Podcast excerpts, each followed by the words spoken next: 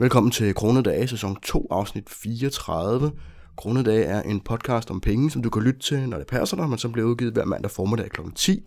Mit navn er Rasmus Fjerler Holme, og jeg er en lille smule forkølet, eller en stor smule forkølet i dag. Øhm, derfor så bliver det en relativt kort podcast.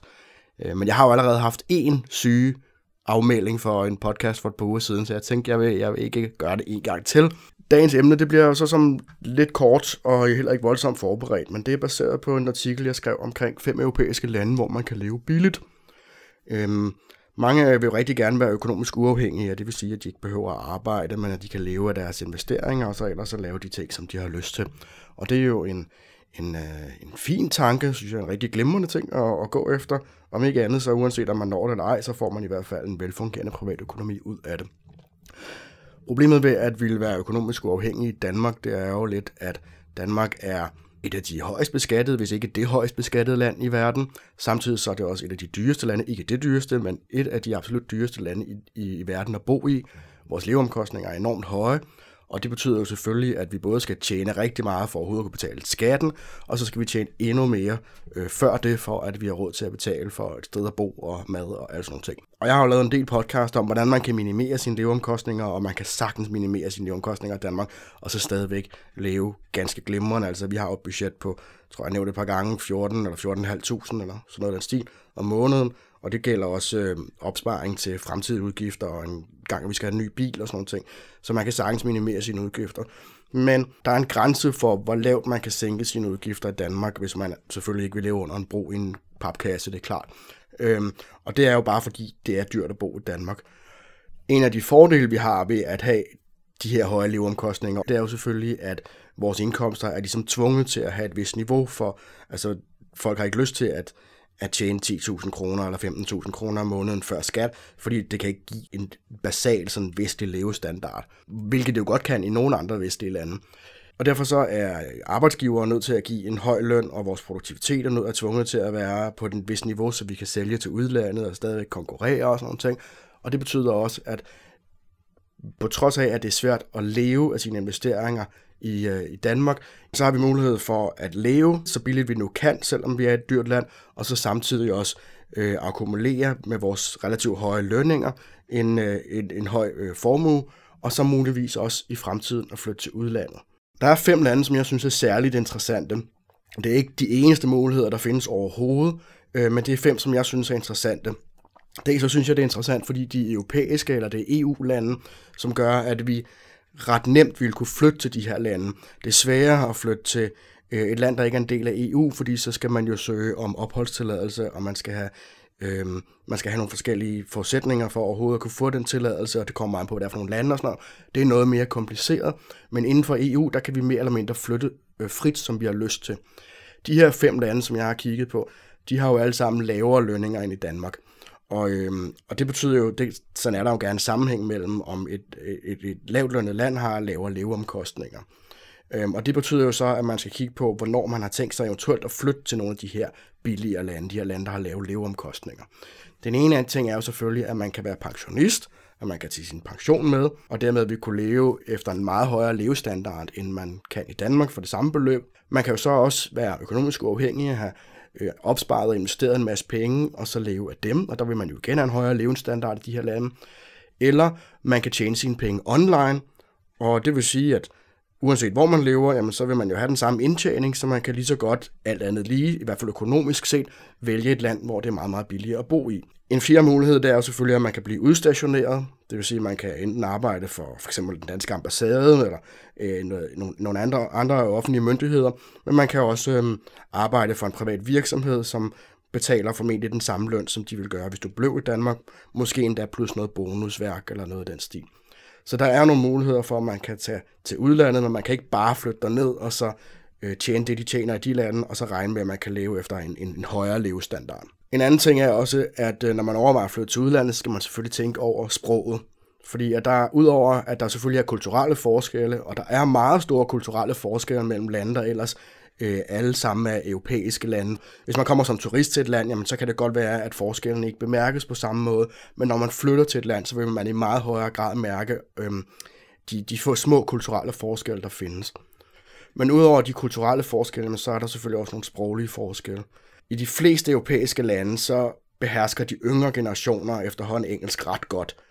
Og i de fleste større byer, jamen, så er der også et ret stort, det man kalder et expat community, altså folk fra andre lande, og andre europæiske lande, eller amerikanere, australier, folk, der kommer fra andre lande, og har sat slået sig ned kort eller længere tid i, i, i en europæisk storby. Og derfor så kan man i de fleste store byer klare sig ret fint på engelsk. Men jeg mener nu, at hvis man ønsker at tilbringe mange år i et land, og man gerne vil være en integreret del af lokalsamfundet, jamen så vil det altid være nødvendigt, at man tilegner sig lokalsproget. Derfor kommer vi også i gennemgang af de her fem lande til at tale lidt omkring de enkelte landes sprog, og hvor svære de egentlig er at lære. Det her det er ikke en prioriteret orden. Det er fem lande, som jeg synes er interessante at overveje, hvis man kunne finde på måske at forsøge at øh, flytte til udlandet for at leve billigere. Et af landene, det er Bulgarien. I Bulgarien der er leveomkostningerne i forhold til Danmark omkring 40 procent. Det vil sige, at hvis du kan leve for 20.000 kroner i Danmark, jamen, så vil du kunne leve for omkring 8.000 kroner i Bulgarien og have mere eller mindre den samme levestandard. Bulgarien de var længere tid om at udvikle en velfungerende økonomi i forhold til mange af de andre tidligere kommuniststater i Central- og Østeuropa. Men der var en række reformer omkring år 2000, som, som satte gang under den her økonomiske udvikling, de havde. Og de har faktisk haft et øh, 10 med vækstprocenter over 5% og en fortsat økonomisk vækst, der ofte er næsten tre gange så høj som den danske. Og de senere år, der er Bulgarien især blevet en populær turistattraktion, fordi at man får jo samme klima eller tilsvarende klima som Middelhavet, men ofte så får man det til en meget, meget lavere pris. Bulgarien de tilbyder en flad indkomstskat på 10%, så vidt jeg ved, er det faktisk det land i Europa, som har den, eller i EU, som har den laveste øh, indkomstskat.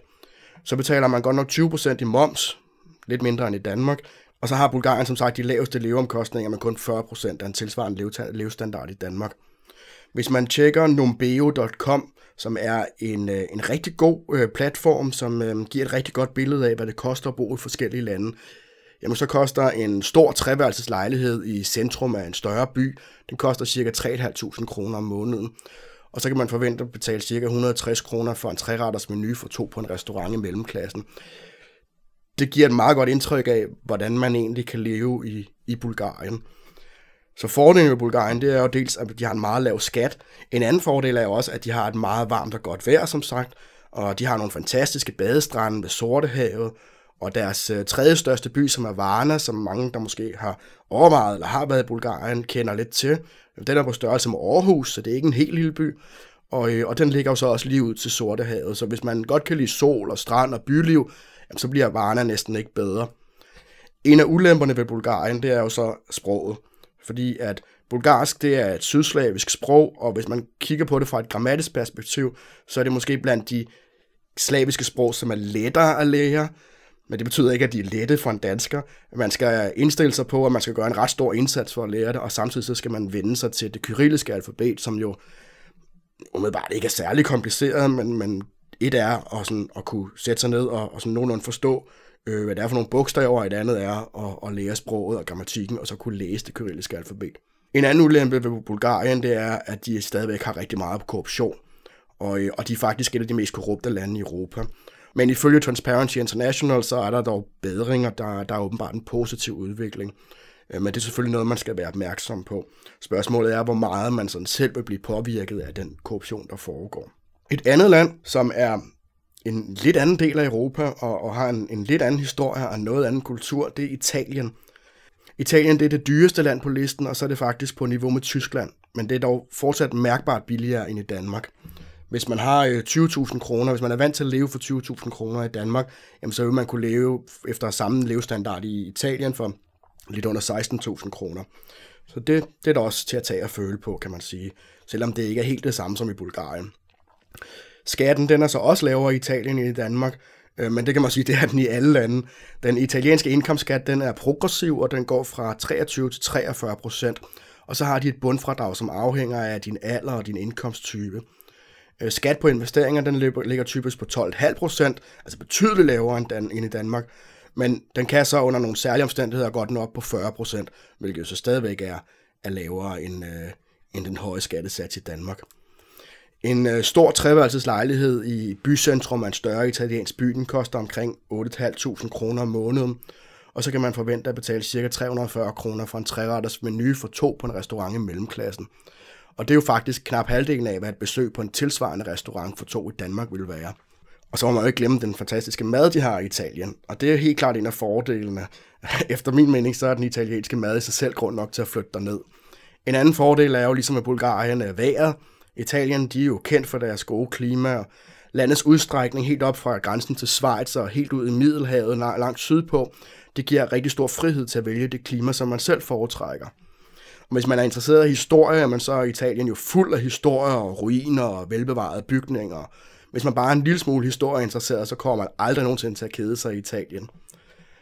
Hvis vi kigger på sproget, så vil jeg sige, at sproget er en fordel i forhold til no- i Bulgarien og nogle af de lande, vi kommer igennem. Fordi italiensk det er relativt overskueligt at sætte sig ind i for en dansker. Og hvis man, øh, hvis man tjekker det, der hedder The Foreign Service Institute, FSI, de laver vurderinger af, hvor svære sprog er at lære. Og, og der mener de italienske blandt dem, der er lettest. FSI's liste, den er godt nok baseret ud fra, at man er engelsksproget. Altså, hvor svært det vil være for en amerikaner eller en brite at lære. Men i betragtning af, at dansk og engelsk, de har ret mange lighedspunkter, og dansk er også blandt de letteste sprog på FSI's liste i øvrigt, så er det ikke urimeligt at antage, at øh, vi vil have relativt let ved at lære italiensk. Jeg tror også, at rigtig mange af almindelige danskere, som aldrig rigtig har taget italiensk, stadigvæk kan forstå øh, i hvert fald nogle, nogle sådan grundlæggende ting, eller sådan, kan, kan sådan forstå en mening af ret meget italiensk. En ulempe ved Italien, det er, at skatter og leveomkostninger er relativt høje i forhold til de andre øh, fem her, som vi gennemgår. Og en anden ulempe, det er også, at Italien ikke har haft den økonomiske vækst, som mange af de her centrale østeuropæiske lande har haft. Italien har jo længe været et, det vil nok være lidt for meget at sige, det er et fattigt land, men efter europæisk standard er det jo et relativt lavindkomstland. Og det ser ikke ud som om, de rigtig har haft den økonomiske vækst.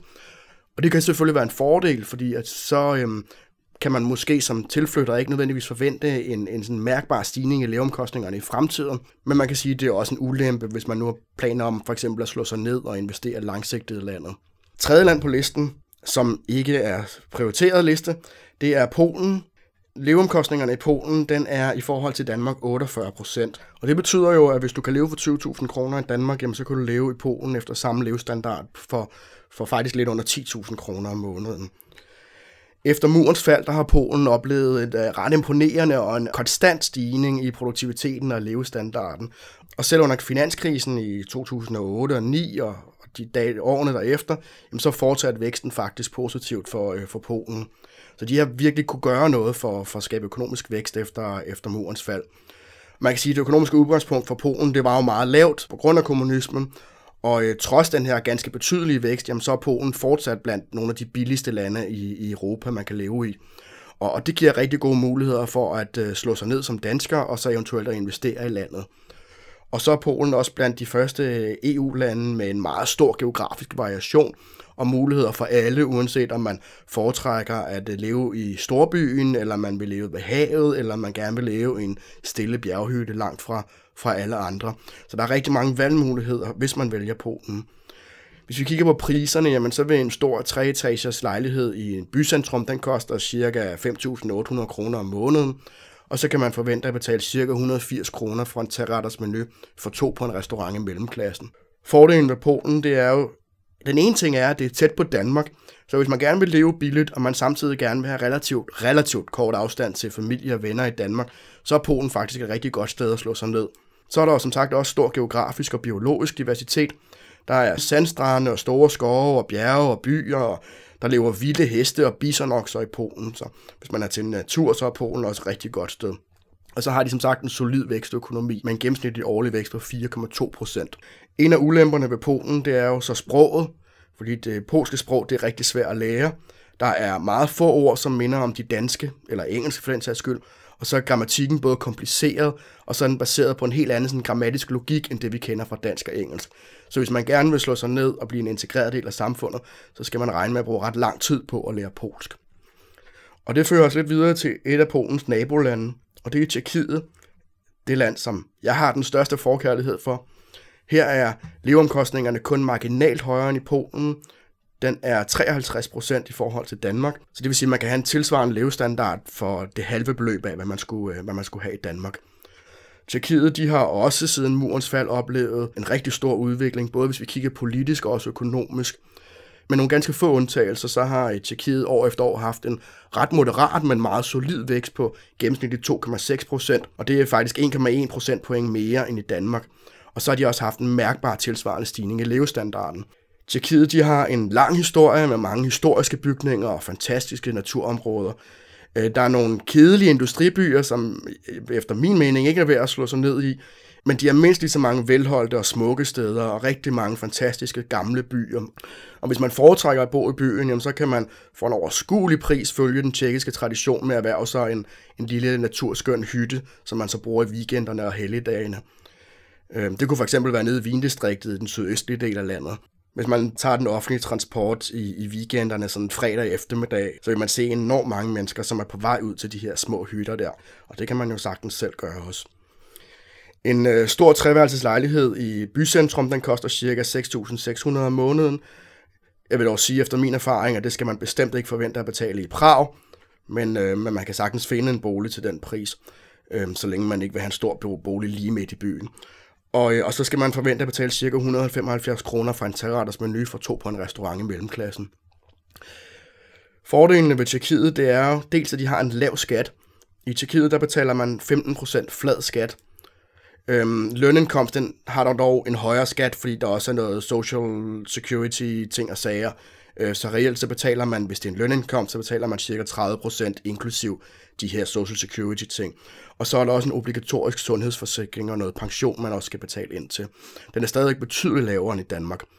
En anden ting er også, at hvis man kommer med sine investeringer, øhm, eller man har anden udenlandsk indkomst, så vil man i mange øh, tilfælde også kun betale de her 15% flad skat, plus at man skal betale for en privat sundhedsforsikring, som så vidt jeg kan se koster omkring 1000 danske kroner om måneden. Så man kan som økonomisk uafhængig tage derned og have øh, rigtig mange penge tilbage efter skat. Så er Tjekkiet også rigtig nemt at nå fra resten af Europa. De ligger jo lige smack midt i Europa, og det betyder, at de fleste destinationer, de ligger omkring en times flyrejse fra, øh, fra Prag. Samtidig så ligger de omkranset af Tyskland og Polen og Østrig og Slovakiet, som alle fire meget nemt kan nås, hvis man, øh, hvis man har en bil. Den tjekkiske kultur, den minder efter min opfattelse på rigtig mange måder om en lidt mere liberal version af den danske. Og hvis man ser bort fra sproget, jamen, så tænker jeg ikke, at man vil opleve voldsomt store kulturschok, eller, eller man kommer til, fordi man ikke forstår kulturen og fornærme nogen. Tjekkiet er også rigtig trygt, Voldskriminaliteten i Tjekkiet, den er, og drabsretten i øvrigt, den er blandt de laveste i verden. Så man behøver ikke være bekymret for at øh, blive udsat for kriminalitet, og, og, øh, og at man kan også sagtens tage sine børn derned.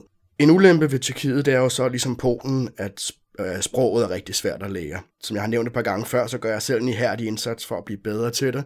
Umiddelbart så er tjekkisk en smule sværere at lære end polsk, fordi de har flere forskellige artede og flere inkonsistente grammatiske endelser. Øhm, man skal i hvert fald regne med, at man skal bruge rigtig meget tid på at, at blive god til det. Og en anden ulempe ved Tjekkiet, det er også, at det er en indlandsstat. Som danskere, så er rigtig mange af os vant til havet, og, øh, og holder af havet. Det gør jeg i hvert fald personligt selv, holder virkelig meget af at øh, komme ud og sejle og bare se havet, fiske i havet og sådan noget ting. Og i Tjekkiet, der har de jo floder og søer, men de har jo ikke noget hav, og de har ikke noget saltvand. Og det her indlandsklima, det betyder ud over manglen på hav også, at der bliver dejligt varmt tidligt på foråret, men samtidig så bliver der rigtig, rigtig koldt om vinteren.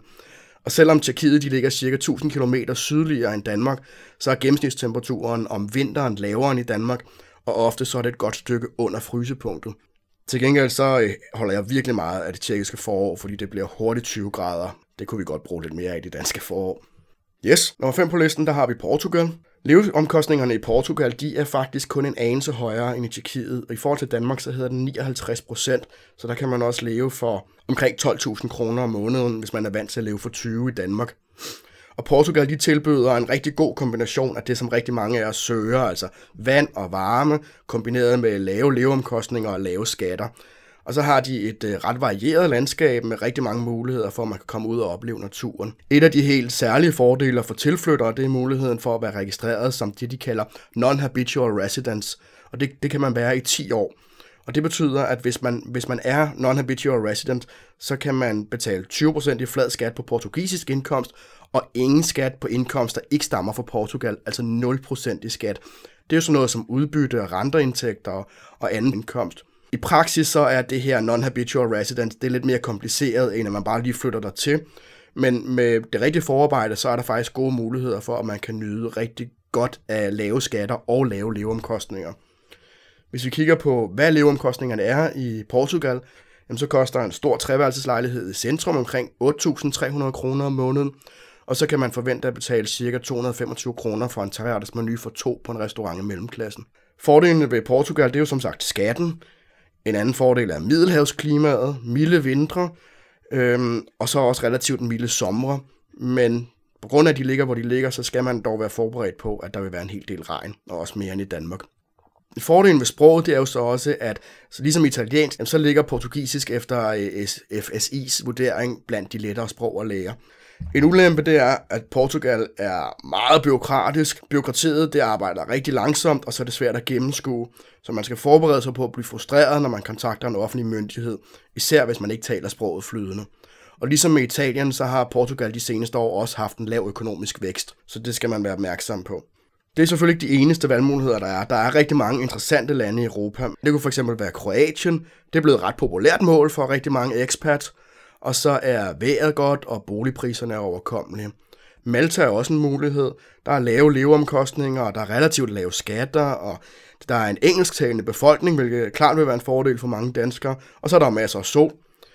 Den eneste ulempe ved Malta, det er jo så, at de ligger ret isoleret derude i Middelhavet, og det gør det selvfølgelig både besværligt og også relativt dyrt, hvis man vil besøge andre lande man kan måske få lidt økulder, hvis man godt kan lide at komme lidt ud en gang imellem. En anden mulighed, det er jo selvfølgelig Tyskland, som der er ret mange danskere, der flytter til, hvor både skatter og leveomkostninger, de er en anelse lavere end i Danmark. Ikke meget, men lidt.